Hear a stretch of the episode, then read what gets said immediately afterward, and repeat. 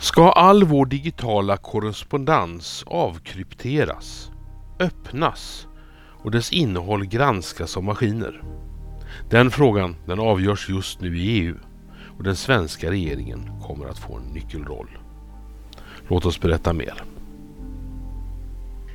EU-kommissionen vill att medborgarnas e-post och alla elektroniska meddelanden ska avkrypteras, öppnas och att dess innehåll ska granskas i jakt på olagligt innehåll.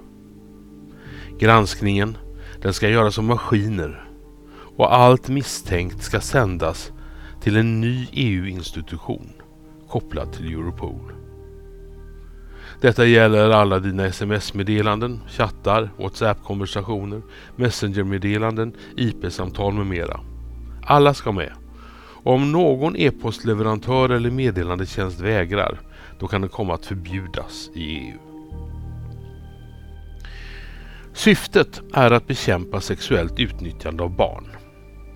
Därför har man även föreslagit en 18-årsgräns för användning av elektroniska meddelandetjänster och man vill även kolla upp vad du har i dina molntjänster. Även om syftet är vällovligt blir konsekvenserna orimliga.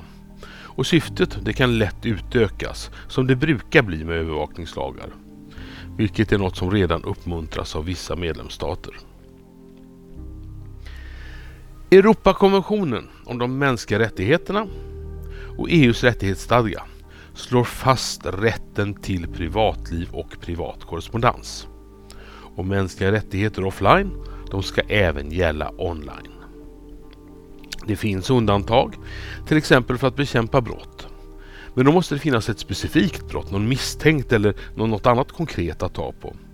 Man får inte övervaka hela folket hela tiden. Det slog EU-domstolen fast i samband med att den upphävde EUs datalagringsdirektiv. Vi befinner oss alltså i en situation där en av våra grundläggande mänskliga rättigheter hotas. Hur hamnade vi här? Ja, det började med att EU faktiskt fattade ett bra beslut som gick ut på att stärka medborgarnas rätt till privatliv online. Men snabbt kom dock protester som gick ut på att detta skulle omöjliggöra den skanning av innehållet i våra elektroniska kommunikationer som redan sker på vissa plattformar och tjänster. Protesterna de leddes av Hollywoodstjärnan Ashton Kutcher och Thorn som är en organisation som han har startat med sin före detta fru Demi Moore. Thorn äger i sin tur det kommersiella verktyget Safer som används av nätjättarna för att upptäcka sexuella övergrepp mot barn online.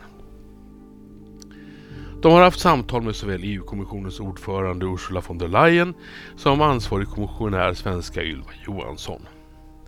Samtidigt har kommissionen vägrat att träffa företrädare för de organisationer som försvarar den digitala brevhemligheten. Resultatet blev till en början en tillfällig lag som än så länge tillåter frivillig scanning av innehållet i användarnas elektroniska kommunikationer hos de operatörer som vill. Detta har kommissionen sedan följt upp med det nu aktuella förslaget, populärt kallat för Chat Control, som gör sån scanning obligatorisk. Alla ska med. Tanken är att ingen ska kunna kommunicera med någon annan utan att innehållet granskas. Denna granskning den kommer att ske med hjälp av algoritmer och maskiner. Erfarenheter från liknande försök pekar på att upp till 90 procent av allt som flaggas av sådana system är felaktiga flaggningar. Men som ändå kan få förödande konsekvenser för den som drabbas. Man kan ifrågasätta om förslaget överhuvudtaget är effektivt i förhållande till sitt syfte. Den som ägnar sig åt övergrepp mot barn har som regel helt andra kanaler och verktyg än de som omfattas av detta förslag. Och det finns enligt uppgift fler fall att utreda än vad de nationella polismyndigheterna hinner med redan nu utan obligatorisk chat control. En orimlighet är att förslaget förutsätter att man kringgår den kryptering som skyddar våra kommunikationer.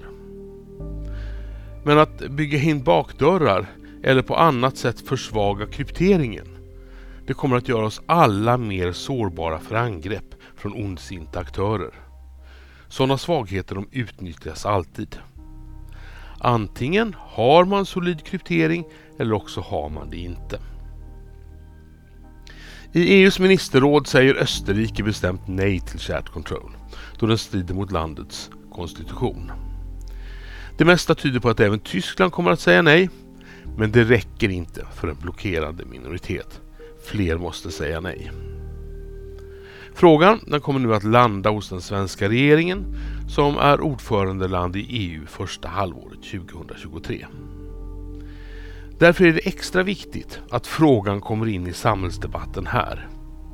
Media måste uppmärksamma saken.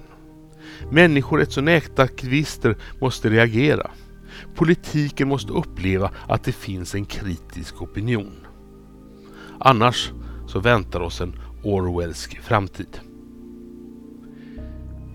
EU-kommissionen vill urholka rätten till privatliv och privat kommunikation. Man vill upphäva den digitala brevhemligheten. Detta det är på riktigt. En av våra grundläggande mänskliga rättigheter står nu på spel. Du följer utvecklingen på vår blogg 5juli.se eller på Twitter 5juli.